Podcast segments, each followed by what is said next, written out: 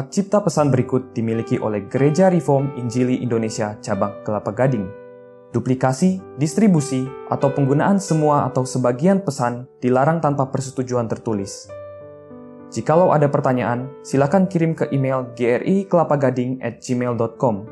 Untuk informasi yang lain, kunjungi website Gereja GRI Kelapa Gading di www.grii-kelapagading.org.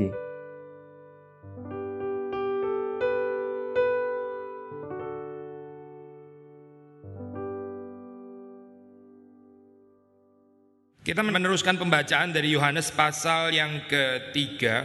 We will continue our reading from your John uh, chapter the third. Kita membaca dari ayat ke-22 sampai dengan 36 ya, ayat yang terakhir. And we will read from verse 22 to 36. Ya mungkin kita cuma bisa membahas sebagian tapi kita nggak tahu kita baca terus saja sampai 36 mungkin kita selesai hanya sampai 30 atau bisa menyelesaikan 36 tapi kita baca we may not be able to finish them all but we'll just read uh, up to verse 36 saya membaca dalam bahasa Indonesia kita membaca bergantian ayat 22 pasal yang ketiga Sesudah itu Yesus pergi dengan murid-muridnya ke tanah Yudea dan ia diam di sana bersama-sama mereka dan membaptis. Akan tetapi Yohanes pun membaptis juga di Ainon dekat Salim sebab di situ banyak air. Dan orang-orang datang ke situ untuk dibaptis sebab pada waktu itu Yohanes belum dimasukkan ke dalam penjara. Maka timbullah perselisihan di antara murid-murid Yohanes dengan seorang Yahudi tentang penyucian. Lalu mereka datang kepada Yohanes dan berkata kepadanya, Rabi, orang yang bersama dengan engkau di seberang sungai Yordan dan yang tentang dia engkau telah memberi kesaksian, dia membaptis juga dan semua orang pergi kepadanya. Jawab Yohanes, tidak ada seorang pun yang dapat mengambil sesuatu bagi dirinya kalau tidak dikaruniakan kepadanya dari sorga. Kamu sendiri dapat memberi kesaksian bahwa aku telah berkata, aku bukan Mesias tetapi aku diutus untuk mendahuluinya. Yang empunya mempelai perempuan ialah mempelai laki-laki. Tetapi sahabat mempelai laki-laki yang berdiri dekat dia, yang mendengarkannya, sangat bersuka cita mendengar suara mempelai laki-laki itu. Itulah sukacitaku dan sekarang sukacitaku itu penuh. Ia harus makin besar tetapi aku harus makin kecil Siapa yang datang dari atas adalah di atas semuanya. Siapa yang berasal dari bumi termasuk pada bumi dan berkata-kata dalam bahasa bumi. Siapa yang datang dari sorga adalah di atas semuanya. Ia memberi kesaksian tentang apa yang dilihatnya dan yang didengarnya. Tetapi tak seorang pun yang menerima kesaksiannya itu. Siapa yang menerima kesaksiannya itu, ia mengaku bahwa Allah adalah benar. Sebab siapa yang diutus Allah, dialah yang menyampaikan firman Allah karena Allah mengaruniakan rohnya dengan tidak terbatas. Bapa mengasihi anak dan telah menyerahkan segala sesuatu kepadanya. Barang siapa percaya kepada anak, ia beroleh hidup yang kekal. Tapi barang siapa tidak taat kepada anak, ia tidak akan melihat hidup. Melainkan murka Allah tetap ada di atasnya. Demikian firman Tuhan kita kita masuk dalam doa. We will um, enter in prayer. Tuhan kami bersyukur Uh, dear Lord, we are thankful pada pagi hari ini kami bisa kembali beribadah kepada Tuhan. That this morning we are able to come to worship to you. Kami bisa memuji Engkau. We may praise you. Kami berdoa. We can pray. Kami bersekutu. We can have fellowship. Sekarang kami akan mendengarkan firman Tuhan. And now we will listen to the word of God. Kami mohon supaya Tuhan memberkati seluruh perenungan ini. We pray that you will uh, bless us through all this um, uh, word supaya perenungan ini boleh berkenan kepada Tuhan. So this word can be fitting to the uh, congregation to to the to to you. Dan setiap daripada kami boleh diberkati oleh Tuhan. And so that each one of us may be blessed by you. Dalam nama Tuhan Yesus Kristus kami berdoa. In the name of our Lord Jesus Christ we pray. Amin. Amin.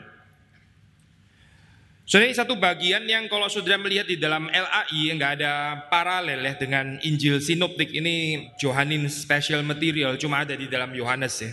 Brothers and sisters, we know that this passage is unique to uh, John's gospel. There is no parallel of this uh, text anywhere else in the other gospels. Ya biasanya di dalam pandangan orang-orang scholar liberal mereka selalu mencurigai bagian-bagian yang seperti ini dianggap seperti bagian tambahan belakangan gak historis lah dan seterusnya dan seterusnya. And in the view of liberal uh, scholars, this is used to be a reason why uh, they would see this part as a, an, an addition, later addition, and therefore not historically uh, present.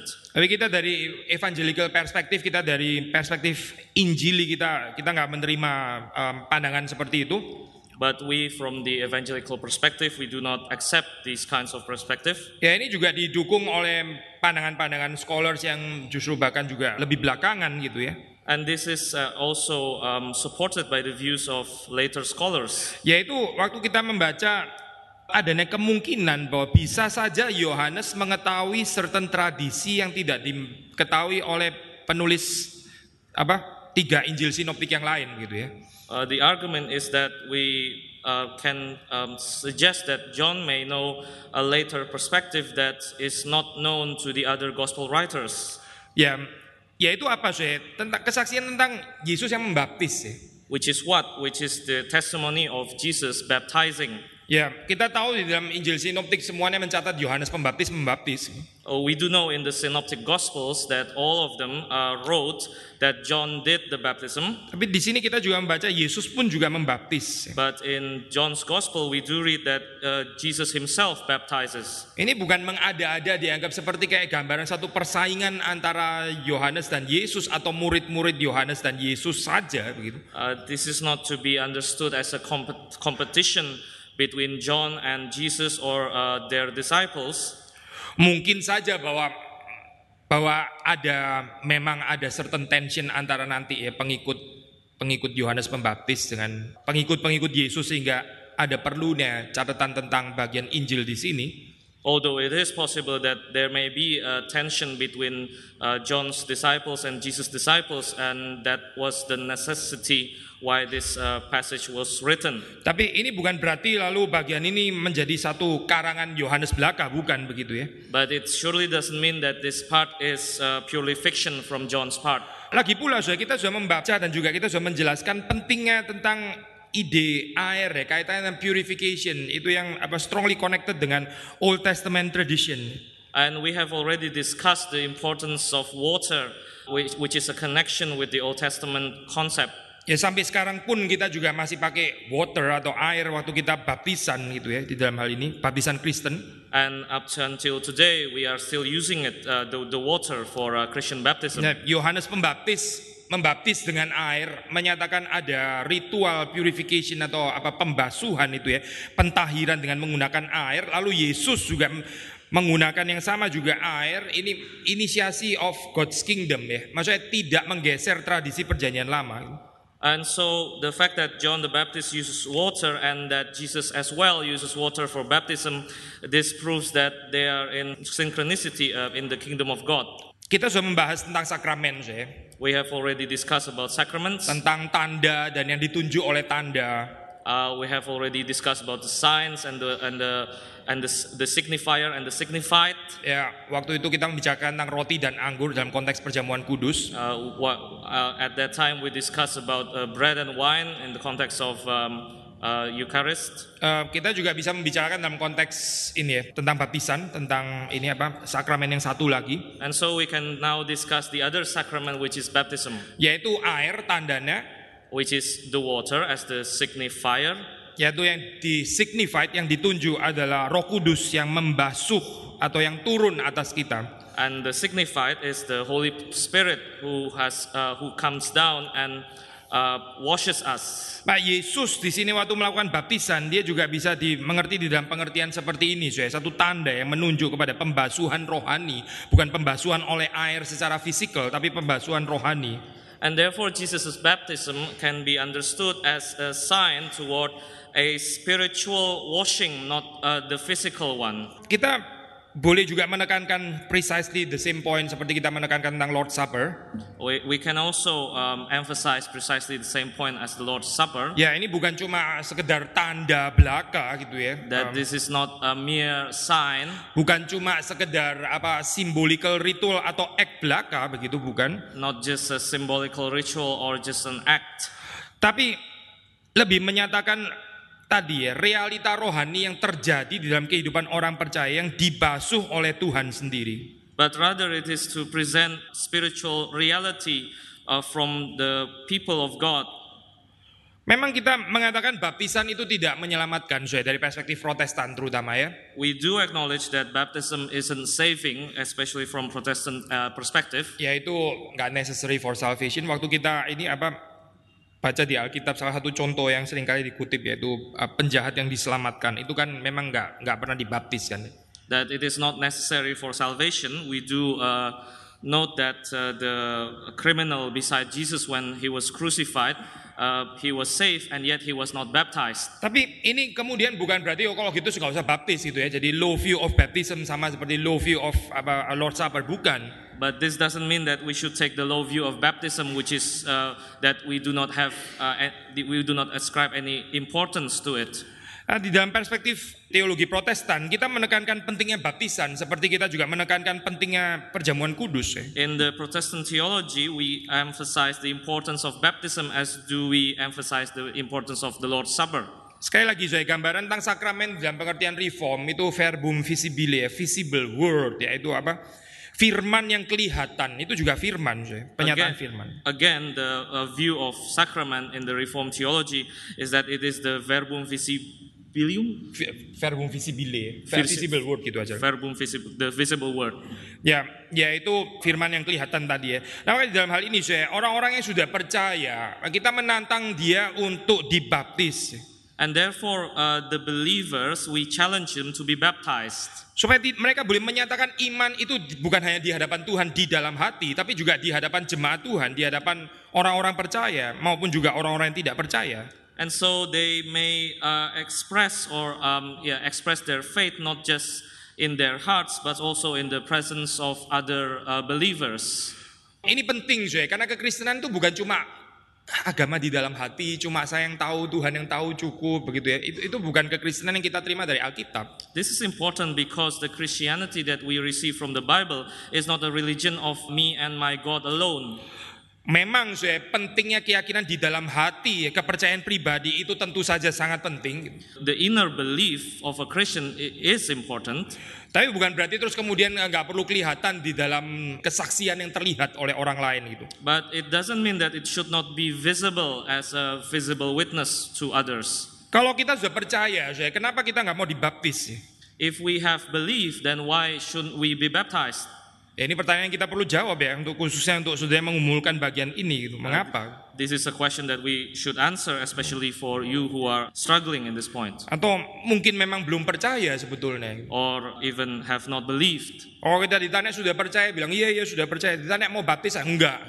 Or for those who are asked uh, are you do you believe and you say yes but when do you, you are asked do you want to be baptized you say no. Ada pertanyaan jadi kenapa dia nggak mau dibaptis begitu? There is a question mark here. Uh, why won't he be baptized? Eh, saya tahu saya tentang bicara tentang baptisan kita bisa panjang sekali ya. Termasuk ada pergumulan. Oh, saya sendiri pernah counsel ada pemuda yang masih dia struggling karena orang tua saya belum setuju begitu oh, misalnya ini. We we can have long discussions about this. Uh, there are many factors. I myself have um, experiencing um, experience with a, uh, a young person whose uh, parents do not uh, give their approval for uh, their son to be baptized. Memang di dalam hal ini ya kita kita bisa mengatakan juga ada baiknya juga dia menunggu sampai orang tuanya bisa uh, setuju.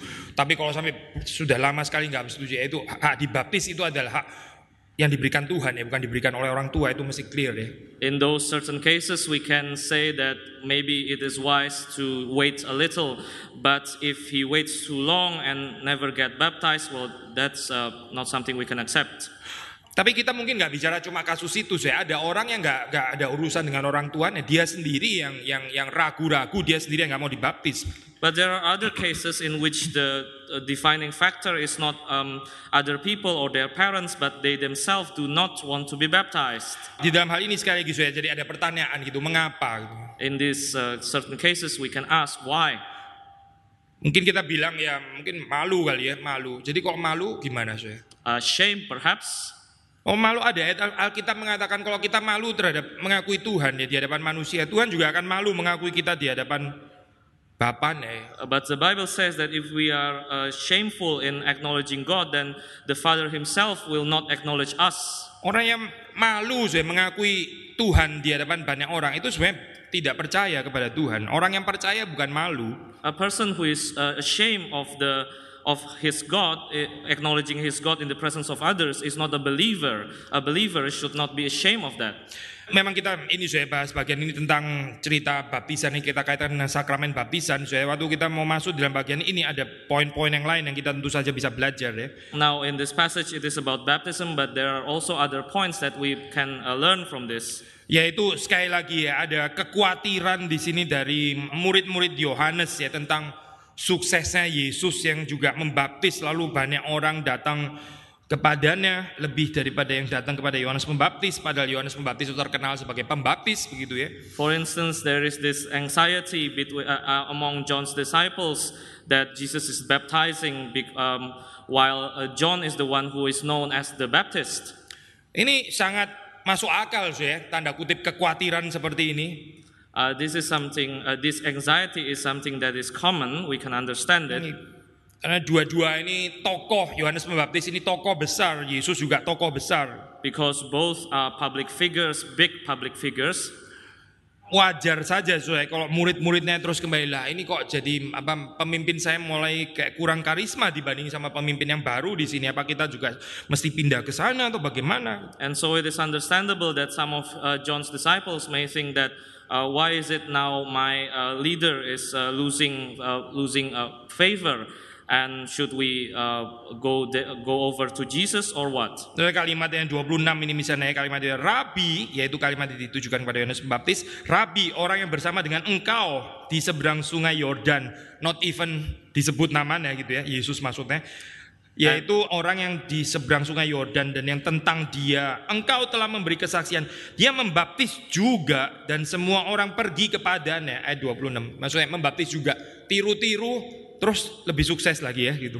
Uh, you can read this actually in the verse 26, in which uh, the John's disciples said to him, Rabbi, he who was with you across the Jordan, to whom you bore witness, look, he is baptizing. They don't even mention his name. Sekali lagi saya, tadi kita mengatakan tentang baptisan ya. Di sini Yesus juga membaptis. Apakah sekedar tiru-tiru Yohanes gitu? And once again, we are saying that Jesus is baptizing, so we can ask, is he just imitating John? Tidak saya, karena sekali lagi dasar baptisan, ritual dengan air dan sebagainya itu sudah ada di dalam perjanjian lama. gitu. Again, this is not true because we know that the tradition of baptizing with water is something that is already present in the Old Testament. Eh kalau di dalam konteks Yohanes Pembaptis ini adalah baptisan cerita tentang baptisan pertobatan gitu ya, pertobatan. And which is in the John the Baptist's case, uh, this is speaking about the baptism of uh, repentance. Nah, di dalam Yesus ya ada mungkin slide penekanan yang sedikit berbeda yaitu a certain significance as the obedient response terhadap Yesus ya. Jadi ini satu tanda kerendahan hati ya apa itu eh, ketaatan respons yang positif di dalam orang yang mengikuti Yesus gitu. Dengan memberikan diri dibaptis maksudnya ya. I'm sorry, can you repeat Ya that? oke, please? of course, a bit too long. Jadi baptisan di dalam konteks Yesus ini ada ada mungkin slide apa different emphasis gitu. So we we can see that in Jesus' case, uh, his baptism carries a slightly different significance. Yaitu significance as certain obedient response to Jesus di dalam hal ini ya. Ada ya. Yeah, which is that as a, as a obedient response to Jesus. Maksudnya orang menyatakan kerendahan hati mau dibaptis oleh Yesus ya sebagai orang yang akan mengikut Yesus gitu. Uh, to say that um, a, person has um, humility to be his follower, to be baptized by him. Sekali lagi saya, orang-orang Farisi saya itu ahli-ahli Taurat bukan nggak mendengarkan khotbahnya Yesus loh. Mereka mendengarkan khotbahnya Yesus. Uh, we do know that Pharisees themselves, they, they, they, are, uh, they do listen to Jesus' uh, preaching. Hanya mendengarkan khotbah Yesus saja, hanya mendengarkan firman Tuhan, khotbah Kristen ya itu nggak tentu menyatakan kerendahan hati yang sesungguhnya belum. And therefore, we can say that uh, hearing uh, others, other people preach is not to, it's not the same, it's not identical as um, being obedient. Ya atau uh, being humble dan sebagainya termasuk di dalam hal itu ya. Di dalam hal ini saya ada satu satu apa ya more than just a ritual gitu satu satu komitmen untuk mengikuti Yesus yang dinyatakan dengan ya bersedia dibaptis itu satu ekspresi kerendahan hati gitu dalam hal ini sekali lagi ya. This is more than just a ritual. Uh, being baptized by Jesus a, is an expression, is a statement of being, uh, is a statement of humility, being um, uh, humble enough to be the follower of Jesus. Lalu yang menarik waktu setelah ini saya Pak, murid-murid daripada Yohanes mengatakan kalimat seperti ini, yang yang nggak kalah menarik itu jawaban Yohanes Pembaptis di sini ayat ke-27. Uh, and one of the interesting thing here we can see in verse 27 is the response of uh, John's uh, regarding this matter.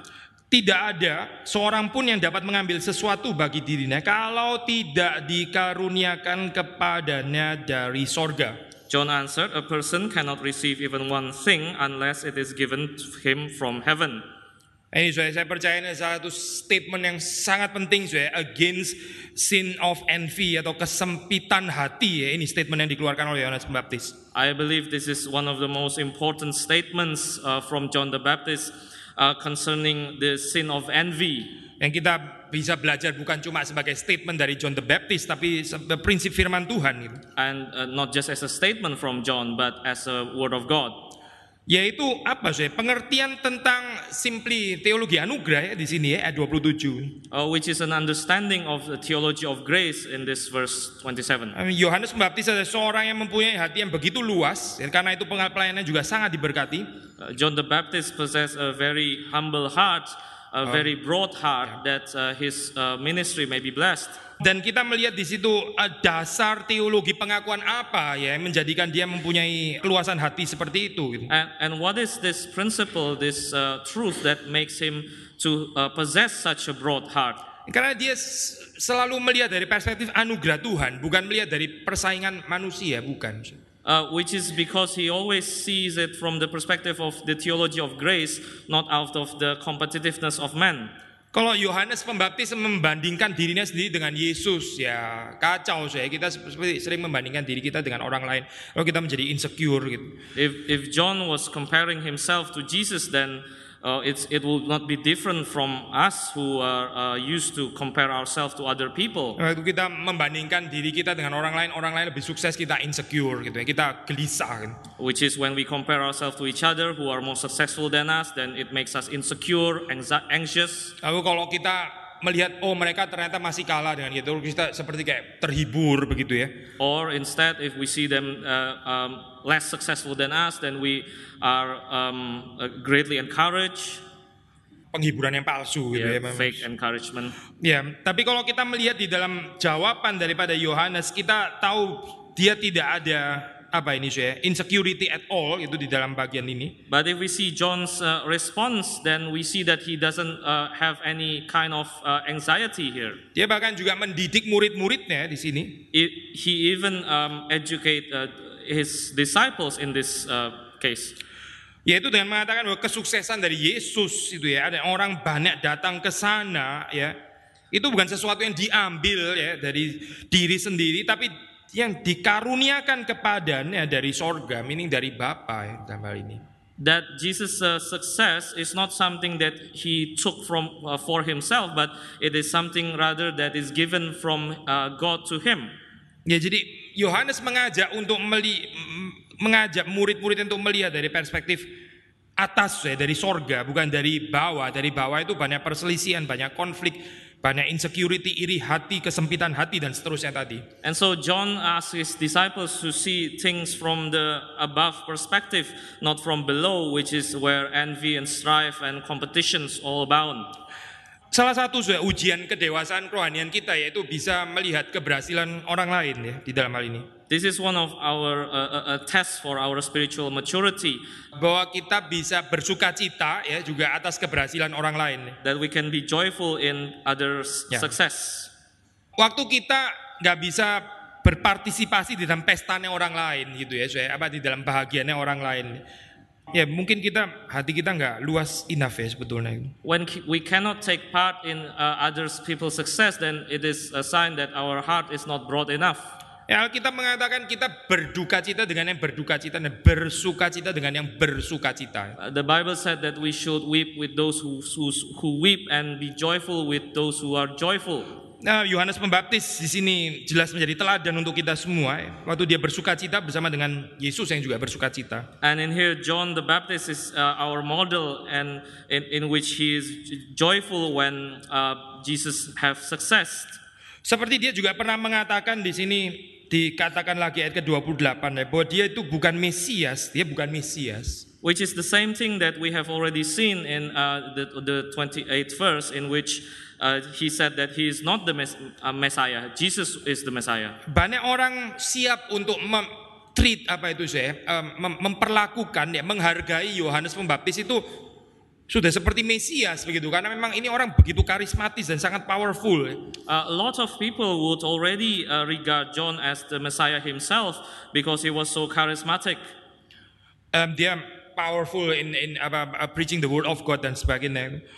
Di dalam hal ini saya ya dia bukan tanpa temptation ya, bukan tanpa temptation. Uh, we do know that he is not without temptation. Nah, ini juga sebenarnya temptation of every apa Christian ministers ya, termasuk saudara dan saya. And this is the temptation uh, for and, and every Christian ministers, um, including you and me. Salah satu temptation yang paling serius ya, yaitu apa? One of the most serious temptation, which is what? Yaitu menggantikan posisi Kristus itu. Kita nggak sadar bahwa kita ini bukan Kristus. Which is to replace the position of the the the, the uh, which is to replace Christ wh- when we dos- don't realize that we are not Christ.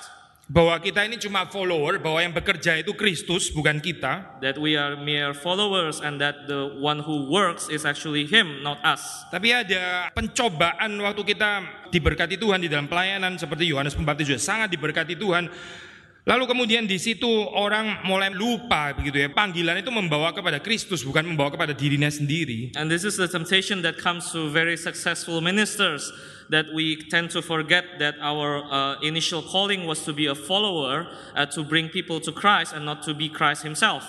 Ya dan bukan menjadikan orang kita punya follower bukan, tapi menjadi follower of Christ. Not to make other people as our followers, but to make them followers of Christ. Yohanes Pembaptis sangat-sangat beres sudah di dalam hal ini. Dia punya punya banyak sekali followers, John is very um, astute in this as he has a lot of followers, tapi dia nggak pernah regard followers itu sebagai followernya dia. Dia membawa follower itu kepada Kristus untuk menjadikan mereka followers of Christ. and yet he never regard them as his disciples. He always brings them as Jesus' disciples. Kalimat yang terkenal saya, kalimat ayat ke-30, ia harus semakin besar, tetapi aku harus semakin kecil. A very interest, uh, very famous uh, sentence in verse 30. He must increase, but I must decrease. Ya, tulisan yang dalam bahasa Latin ditulis di apa itu saya, lukisan yang sangat terkenal dari Grunewald waktu dia melukis crucifixion. Which is as a Latin inscription in Grunewald's uh, crucifixion. Yang tangan Yohanes Pembaptis yang menunjuk kepada salib. Uh, John the Baptist's hand, who's pointing to the cross. Ia harus semakin besar, aku harus semakin kecil. Ya. He must increase, I must decrease. Kedengaran seperti mungkin wow, so sentimental begitu ya. Kita bisa langsung tergerak mendengar kalimat ini. Perhaps this sounds too, uh, a bit sentimental. We can uh, be moved when we hear uh, words like these. Tapi saudara tahu saya, Yohanes mengatakan kalimat ini terus kemudian dia betul-betul menjadi makin kecil sampai ke penjara. Uh, can you repeat that, sir? Dia makin lama makin kecil sampai akhirnya berakhir di penjara. But he doesn't only say this, he uh, does live it out. He became smaller and smaller, lesser and lesser, and then he um, enters the prison. Ini bukan satu kalimat apa itu saya bulan madu gitu ya, bukan saya. Ini bukan kalimat janji gombal gitu terus habis itu dia nggak tahu ini kebesarannya kalimat asal ngomong aja. Ntar habis itu terus nggak jelas bagaimana menaatinya di dalam kehidupan. Dia bukan orang itu saya. This is not a fake statement uh, uh, who someone uh, says something and then doesn't live it out. He's not that kind person. He, he says it and he does it. Dia betul-betul membayar harga daripada kalimat ini. He paid the price for this sentence. Yesus makin besar, makin besar dan dia makin kecil, makin kecil, makin kecil sampai nggak ada orang lagi mengikut dia. Uh, Jesus does get increase, increasing more and more, and John's is uh, lessening less and less, more and more, and um, in in the end, nobody follows him anymore. Nah inilah saya, ini kebahagiaan, kebahagiaan Yohanes Pembaptis kalau di sini ya dikatakan. But in here, we we see that this is the this is said to be the happiness of John the Baptist. Ya dia pakai metafor dia saya ke ayat 29 yang tadi ke 30 dulu sekarang ke 29 ya saya sengaja saya balik gitu. Ayat ke 29 dia pakai metafor atau gambaran ilustrasi tentang pernikahan ya di sini ya. Uh, we are going back to verse 29, in which we see that he is using a metaphor of um, uh, marriage in here. Tadi kita katakan bahwa Yohanes nggak pernah melihat Yesus itu sebagai kompetitor gitu ya. Dia nggak pernah melihat dirinya juga sebagai saingan kompetitor daripada Yesus tidak. gitu. We have said that John didn't view himself as a Jesus competitor. Tapi dia menempatkan dirinya sebagai sahabat. He placed himself as his friend. Ya dunia ini jauh lebih peaceful saya. Kalau orang lihat orang lain lebih sahabat daripada kompetitor gitu ya. Kompetitor, aduh bikin dunia lebih mirip neraka ya saya. This world will be much a better place if people would start seeing others as friends and not competitors. That Yeah. was what make thing, uh, the world looks like hell. Ya setelah kompetitor terus berkembang lagi akhirnya jadi musuh dan dan dan seterusnya dan seterusnya. Because it doesn't go far from competitor to later being an enemy and so on and so forth. Dari enemy ntar berkembang lagi jadi apa itu saya arch enemy apa itu musuh bebuyutan gitu ya. And from the en- and, and from just a mere enemy to the arch enemy. Ya terus sampai turun-turun keluarga-keluarga keluarga dipeliharain tradisi musuh ya ingat ya keluarga itu ya ini musuhnya keluarga kita gitu dan waduh kompleks sekali saya di dalam dunia. And, and it may be something that goes down in generations. We, we see this particular family as our uh, family's enemy and so on. Tapi Yohanes nggak melihat Yesus sebagai musuh ya kompetitor dan sebagainya, tapi dia melihat sebagai sahabat. Dia menempatkan dirinya sebagai sahabat, ya, sahabat dari ya Yesus yang disebut di sini sebagai mempelai laki-laki. And John doesn't again doesn't view himself as a competitive as a competition, but as a friend of Jesus, in which in this case is called as the bride, as Saya- the groom. Sorry. Saya baca ini saya komentari menarik saya itu apa gambaran ini ya tentang tradisi pada saat itu di dalam zaman dulu itu. Uh, I read in this commentary as a very interesting uh, thing about this metaphor in uh, in this context. Yaitu tentang ini saya tentang apa mempelai laki-laki yang punya friends ya sahabat-sahabat which is concerning the friends of the bridegroom. Biasanya di dalam malam pertama begitu ya itu ada dua orang gitu ya dua orang sahabat-sahabat atau teman-teman itu dua orang yang kemudian menjaga ya menjaga apa mempelai laki-laki dan mempelai perempuan itu waktu mereka melangsungkan malam pertama itu diranjang jadi itu em, dijaga di luar dua orang gitu kan ya. Kalau sekarang itu unthinkable ya kita sangat perlu privacy. Lu jangan di pin- depan pintu kamar hotel yang bener aja lu. Lu pulang lah ini sudah urusan gua sekarang gitu ya. Sekarang kita nggak bisa bayangin saya gambaran kayak gitu. In this tradition, we uh, see that uh, usually there's uh, the, the male friends of the bridegroom, uh, perhaps two of them. It, they stand guard in front of the of in front of the room of the of the of the, of the couple, um, and um, it is something that is unthinkable in our context. Ya, kamu mungkin bisa baca sini agak lebih gampang ya. Jadi di sini tiga. Two had a position of trust regarding them and had to watch over the over the sexual relation of the young couple. Kalau sekarang kan kamar bisa dikunci, ya. Dulu kan ya nggak ada kunci-kuncian gembok dan sebagainya memang nggak ada. Tapi mesti ada dua orang yang di depan. Ini privacy mesti dijaga di depan begitu ya. Uh, this is due to uh, uh, uh, nowadays we have locks and keys, but uh, at that time uh, there is none such thing. So the door must be guarded. Ya, saya terusin ya ini dari komentar. They led the bride to the groom and kept watch outside the bridal chamber. Mungkin kalau saudara nonton film-film silat ya, kadang-kadang masih ada ya model kayak gini ya. Yang Maybe- pintu yang nggak bisa dikunci itu saya. Jadi mesti ditunggu di luar itu waktu-waktu ini, waktu apa em, ya dua apa mempelai yang sedang melakukan intimacy itu. Maybe if you watch uh, period movies or kung fu movies, we can see that um, uh, you, you can see the, the door that has no lock, and therefore there has to be someone in outside to guard it. Nah di sini Yohanes Pembaptis mem- membicarakan tentang ini ya, apa sukacitanya dia ya. And in this uh, uh, uh, section, we see that John is talking about his joyfulness Mendengar suara mempelai laki-laki. Mem- to, to hear the voice of the bridegroom. Ya, apa itu the voice of the bridegroom lagi-lagi saya baca ini ya komentar ya. The voice of the bridegroom ini menurut si siapa saya Stankenburg itu kalau saudara ini apa mau explore lebih lanjut is thought to be uh, kutipan the triumph shout by which the bridegroom announced to his friends outside that he had been united to a virginal bride. Menarik ya saudara ya? Coba terjemahin. Uh, saudara itu suara suara daripada uh, Mempelai laki-laki itu adalah dikatakan sebagai suatu teriakan kemenangan um, yang sang mempelai laki-laki itu mengumumkan mendeklarasikan kepada teman-temannya di luar bahwa dia telah dipersatukan kepada seorang um, mempelai wanita yang adalah seorang perawan. Ya, again, unthinkable ya, saya untuk zaman kita sekarang kan ya. Kasih tahu ini perawan ini gitu kan ya, atau apa pekik kemenangan gitu. Ini sudah sekarang sudah apa berhasil gitu ya. Wah, itu nggak unthinkable saya untuk zaman kita sekarang nggak bisa dibayangin model kayak begini ya. Again, for us today to declare to uh, our friends that we have achieved victory by having a virgin bride is something that is quite unthinkable. Tapi kalau kita mengerti konteks ini ya, perlu diterapkan di dalam hubungan ini ya, Yesus dan people yang apa itu saya um, datang kepada dia gitu ya. Itu how beautiful nih gambaran joy dari Yohanes Pembaptis ya. And yet again, think that this is applied to the case in which uh, a, a person who sees, uh, who has this joyfulness in seeing how Christ as the bridegroom um, have uh, uh, uh, united with his followers, with who has Ya, people for. ya, ya, follower ya itu ya his bride Jesus bride gitu. Nah, gambaran yang dipakai ini nggak bisa lebih intimate lagi saya. Ini gambarannya sudah paling intimate yang dipakai di sini. ya. Uh, You can't have a more intimate picture here.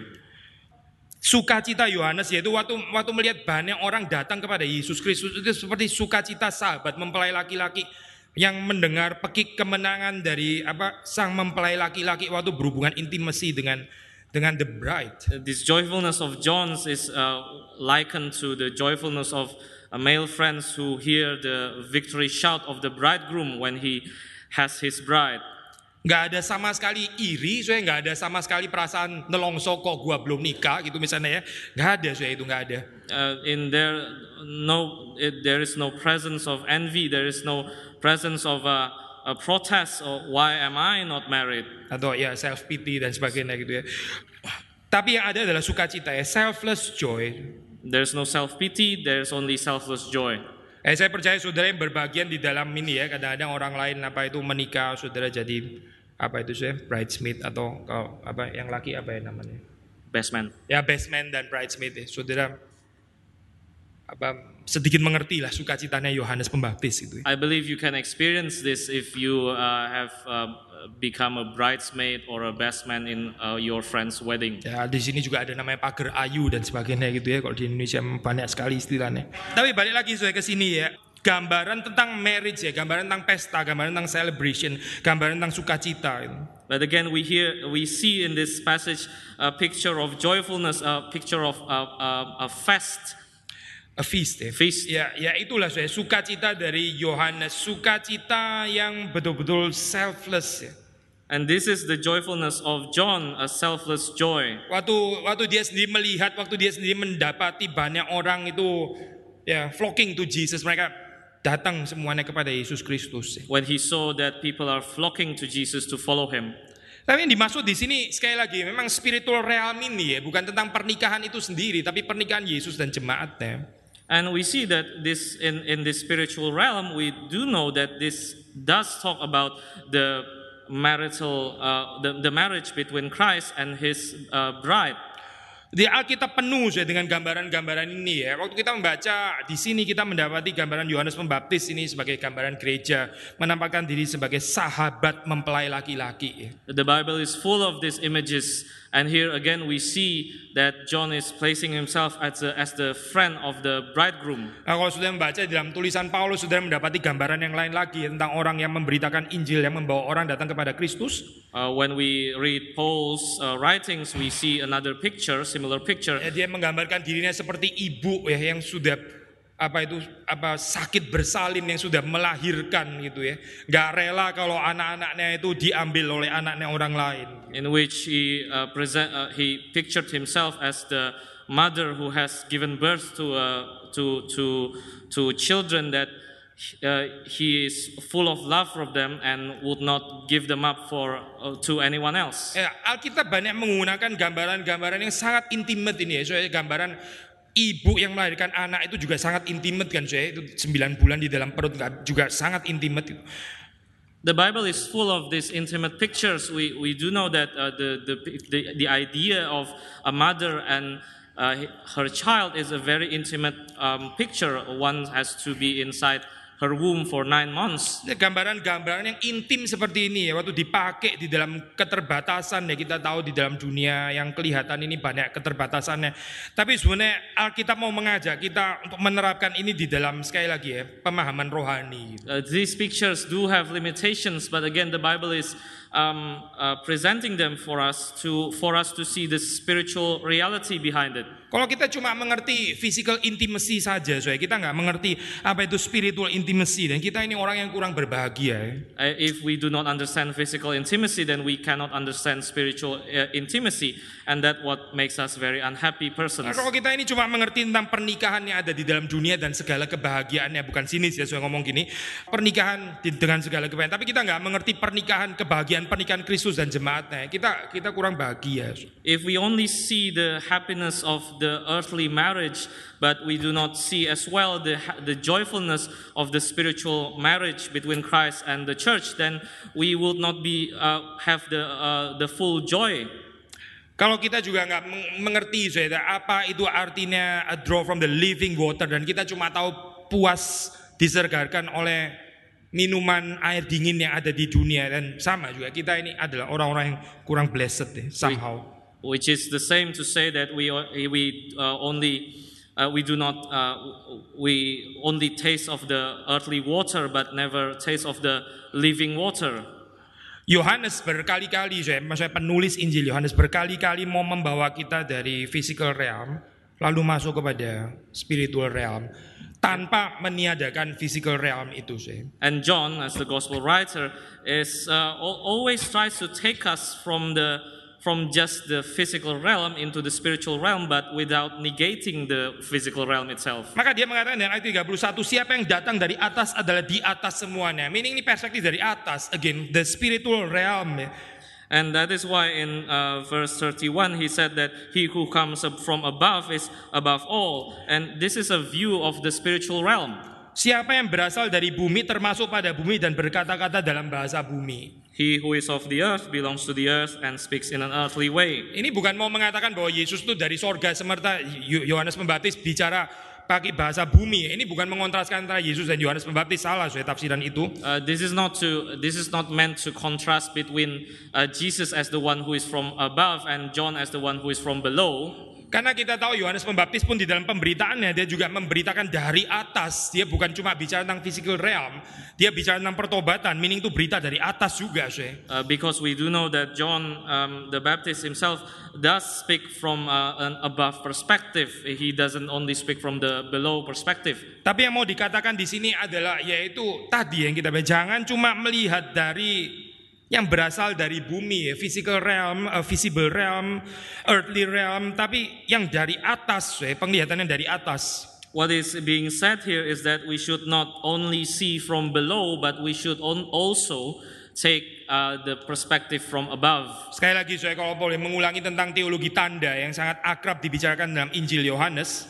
Again, if we can repeat uh, the theology of sign, which is very uh, frequent in John's Gospel, Kita mendapati berkali-kali Yesus mengadakan mujizat yaitu tanda untuk membawa orang kepada the spiritual realm. we find that Jesus uh, repeatedly um, giving signs, but it is to uh, take people up to the spiritual realm. Yeah, the sign which are the apa itu saya performing miracles ya di dalam hal ini ya. Kalau sudah melihat misalnya waktu dia memecah-mecahkan roti ya, lalu dia menunjuk I am the living bread. For example, you see he uh, broke uh, bread and then he said that he is the living bread. Setelah 5000 orang makan kenyang itu ya. Afterwards, 5,000 uh, 5,000 people more um, and eat. Setelah dia membangkitkan Lazarus, dia mengumumkan diri I am the life and the resurrection. After he resurrects Lazarus, he proclaimed that he himself is the life.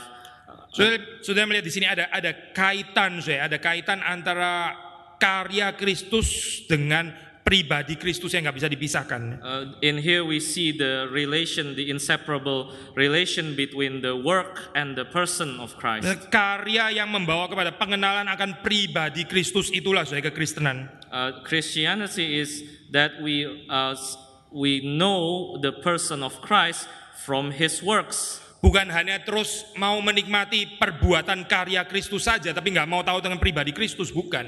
And it is not just to enjoy his works, but not then to know his person as well. Nah, sekali lagi saya di sini Yohanes ya, mengajak kita untuk melihat dari atas karena siapa yang datang dari atas dia di atas semuanya. And this is why John um, asks us to uh, see things from above because he who comes from above is above all. Tentu saja yang dimaksud di sini terutama adalah Yesus Kristus Of course, that it, what who is meant here is Jesus Christ karena Himself, Yesus Kristus datang dari sorga dan dia memang di atas semuanya. because He He did come from above and He is above all. Dia bukan memberitakan dari dirinya sendiri tapi dia bersaksi He bears witness to not uh, from His Himself, but what He has seen and heard. Ya, sudah perhatikan ya, Yesus sendiri bersaksi. saudara. Uh, you have to um, uh, take note here that Jesus Himself is witnessing. Apalagi saudara dan saya kita sudah pasti saksi. Saudara. Yesus sendiri dia dia sendiri adalah saksi. And if he, he himself is a witness, more so of us. Kita baca ayat 32, ia memberi kesaksian, Yesus maksudnya, ia memberi kesaksian tentang apa yang dilihatnya dan yang didengarnya. We read verse 32 he bears witness to what he has seen and heard. Eh, sementara Yohanes Pembaptis menyaksikan Kristus, Kristus sendiri menyaksikan apa yang dilihat dan didengar, yaitu dari Bapaknya. And so while uh, John the Baptist is uh, testifying to Jesus what he has seen and heard, Jesus himself is testifying to uh, all the people what he what Jesus has seen and heard from the Father. Saudara masih ingat ya waktu pertama pertama kita membahas tentang Injil Yohanes kita bicara tentang motif saksi di situ yang setting in life-nya itu ada di apa itu saya di ruangan pengadilan ya masih ingat kan ya saya Uh, you may remember that when we um, initially uh, speak about the John's Gospel, we have discussed about the motive of witness, which is uh, the, the seat of, of which setting in life setting in life was in the courtroom. Ya di di di courtroom itu orang perlu witness begitu kan saya. Witness itu di courtroom terutama gitu. Lalu kita melihat di situ bahwa Yohanes sendiri itu adalah saksi ya. Dia saksi berarti dia ada di ruang pengadilan saya. Siapa yang mengadili? Ya itu saya orang-orang yang membenci Yesus. Yang sedang diadili siapa? Yesus yang sedang diadili kan. Now, if this were a courtroom and then John is a witness, then who is the accusers? Uh, which is those who are Jesus' enemies who are accusing him. Kita sendiri ini kita bilang kita saksi Kristus. Kita mesti tahu saya Yesus sedang diadili di dalam dunia ini. Uh, then if we claim ourselves as the as God's witness, then we must know that Jesus is being trialed in this uh, world. Tapi kita melihat Yesus sendiri juga adalah saksi. Meaning apa saya? The Father himself juga ditarik di ruang pengadilan dan sedang diadili oleh dunia. But now, if we see that uh, Jesus Himself is a uh, is a witness, then we know that uh, this presents that the Father Himself is being dragged down into the trial uh, Himself. Dia karena Yesus adalah saksi kan, dia adalah saksi. Lalu siapa yang sedang diadili di sini? The Father sebetulnya sedang diadili. Because if Jesus is the witness, then who is on trial? Then uh, the Father Himself is on trial. Saudara bayangkan ini ya, Bapa sendiri diadili. Can you imagine the Father Himself being in- on trial, Lalu Yesus sendiri sang anak juga diadili. and that the Son also Himself is on trial? Lalu kita sendiri yang mengikut Kristus, suatu saat kita bukan cuma di dalam posisi saksi, suatu saat kita posisi yang diadili. And so we ourselves may not always be in the witness position. Someday we will be also on trial. Ini discipleship namanya, saya. This is what is discipleship. Pemuritan ya. Disciple. Bapa, Kristus, Yohanes ya. Kita dalam posisi bersama dengan Yohanes. From God the Father to God the Son to John the Baptist and us in John's position. Yohanes Pembaptis kan betul-betul mengalami pengadilan itu kan, saya, dan dia dipenjarakan akhirnya. We do know that John has experienced this trial literally and Yep. he was later and, uh, thrown into prison. Dia bukan cuma berhenti di dalam posisi saksi, saya terus saksi. Ya udah saya saksi terus saja ya. Saya kan bukan terdakwa, saya saksi ya, cuma saksi. Yang terdakwa kan Yesus, ya. Yesus yang terdakwa, saya saksi. It- itu kita nggak baca saya, di dalam cerita Yohanes Pembaptis tidak. John was not a mere witness. He does became uh, on uh, uh, on trial trial as does Jesus himself. We do see that in this uh, in the Bible. Nah, Yohanes Pembaptis akhirnya di dalam posisi yang di accuse ya, yang yang yang diadili. Maka ya kita sendiri mungkin juga akan masuk ke sana. Seperti murid-murid waktu kita membaca di dalam cerita kisah para rasul juga satu persatu memasuki posisi itu saya bukan cuma saksi. And so, as John himself was later being on trial, we ourselves must anticipate this, and we do know from the Acts of the Apostles that uh, Christians does um, be, be- uh, the church is is on trial, was on trial. Another metaphor saya di sini ya, gambaran yang juga luar biasa intimate di dalam pengertian yang berbeda, tapi bukan tentang marriage, tapi tentang mengalami seperti apa yang Yesus alami, bahkan yang Bapa sendiri mengalaminya. This is yet another intimate picture that we will uh, experience what Jesus himself experienced as God the Father himself experienced it. Kekristenan itu bukan cuma teori, saya pasti bukan cuma teori. Christianity is not mere theory. Waktu kita mengatakan kita mengenal Yesus, itu bukan cuma mengenal dia dari pengetahuan, oh katanya orang kat- kelas katekisasi ngajarnya Yesus gini-gini. Itu, itu bukan kekristenan, saya. Itu cuma transfer informasi saja. Gitu. Christianity is not a catechetical uh, class in which we learn who Jesus is, uh, what he has done, blah blah blah, and and just uh, just stop at that. Tapi kekristenan itu adalah mengalami, mencicipi apa yang yang Yesus sendiri alami di dalam di dalam kehidupan selama dia berada dalam dunia. That is true Christianity. The true Christianity is that we experience what Jesus himself experienced while he was in this world. Sudah nggak bisa jadi orang Kristen dengan mentalitas penonton, mentalitas orang menyaksikan gitu nggak nggak bisa. Sudah itu bukan kekristenan. You cannot be a Christian with a audience mentality. That is not Christianity. Tapi kekristenan itu adalah mengundang kita untuk masuk ke dalam kehidupan sang anak. Christianity rather is um, inviting you to participate in the life of the Son. Eh, se- sebagaimana hubungan antara the father and the son itu begitu intimate ya, sedemikian sedemikian intimnya, maka hubungan itu yang akan di-share kepada jemaatnya. As intimate as the relationship between the Father and the Son, uh, th- that kind of relationship will be shared with us. Sekali lagi ya, anak menjadi saksi terhadap bapa yang didakwa One more atau yang time. diadili itu. One Ya. more time. Jesus uh, himself become a witness of the Father who is on trial. Nah, sekarang kita sendiri diundang untuk menjadi saksi Kristus terhadap Yesus yang sedang diadili. And so we are now called to be a witness of Jesus who is on trial.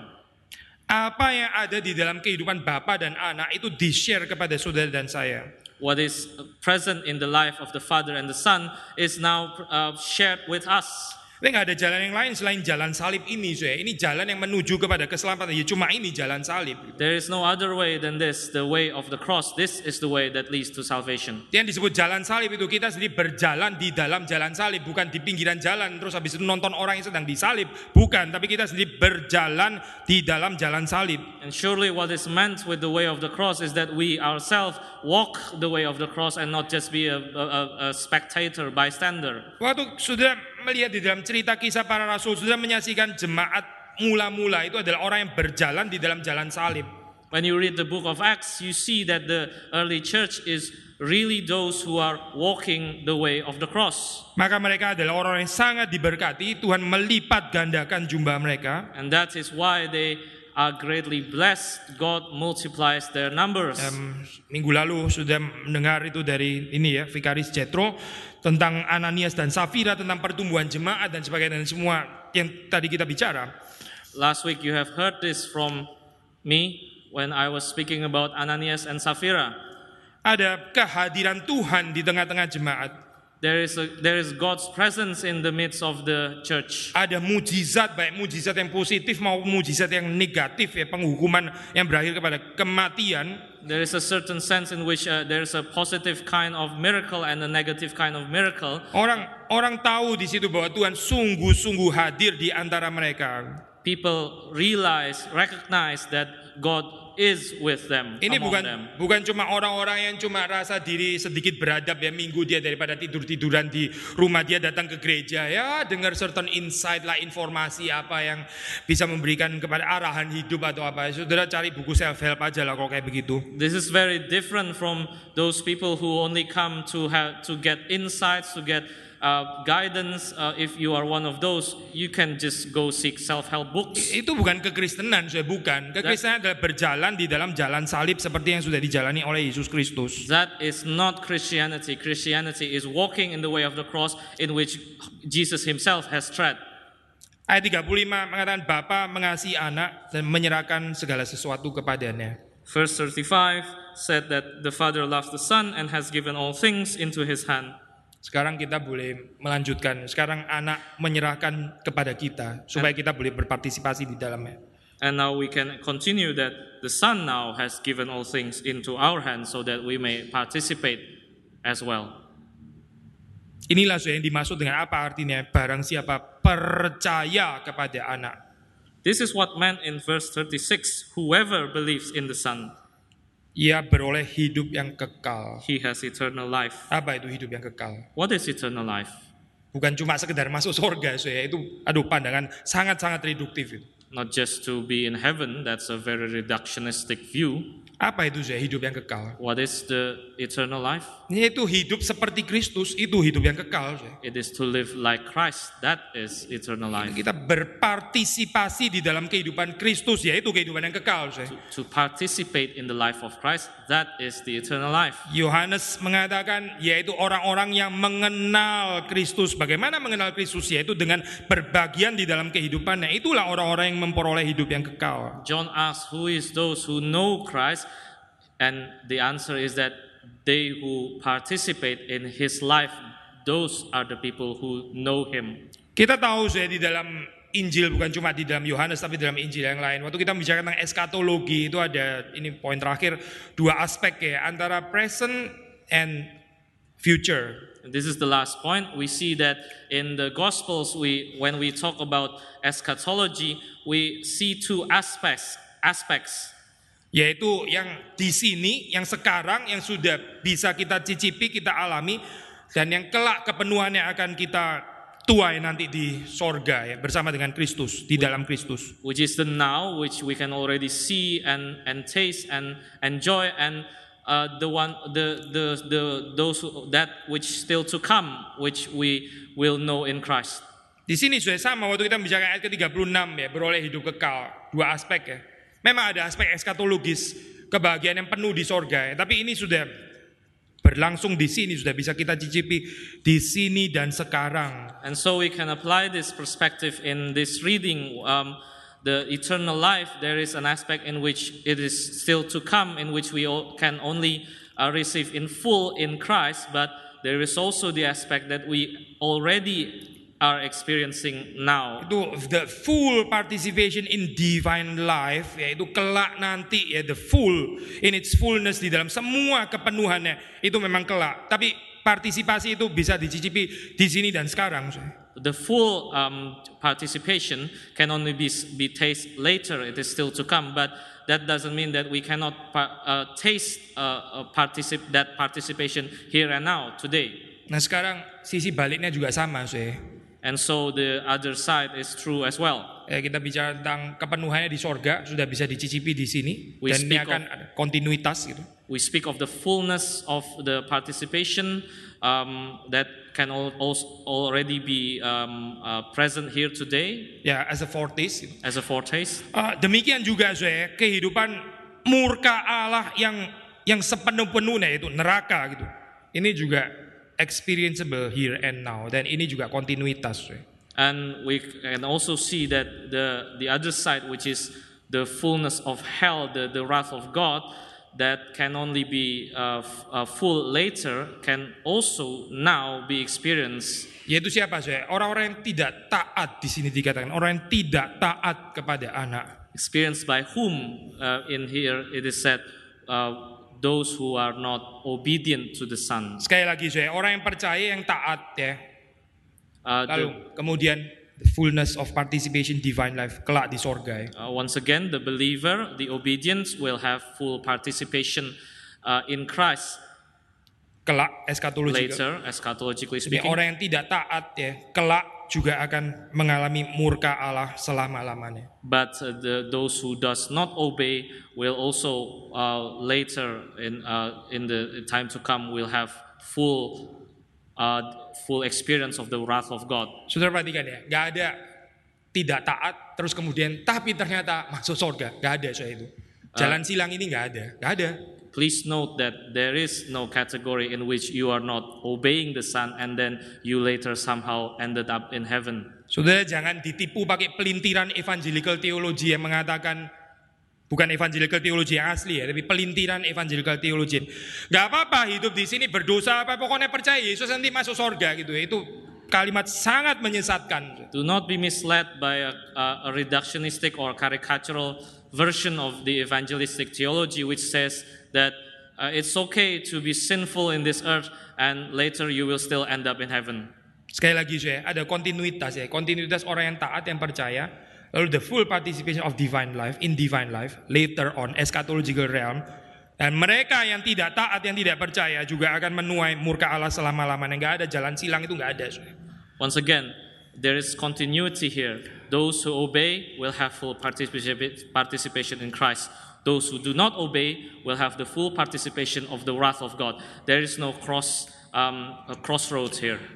Yohanes nggak pernah pakai istilah percaya di dalam pengertian yang low gitu ya, dalam pengertian yang rendah. So, ini, ini ini adalah konsep yang sangat-sangat tinggi. John do not give us a low view of uh, participation. This is a very high view of it.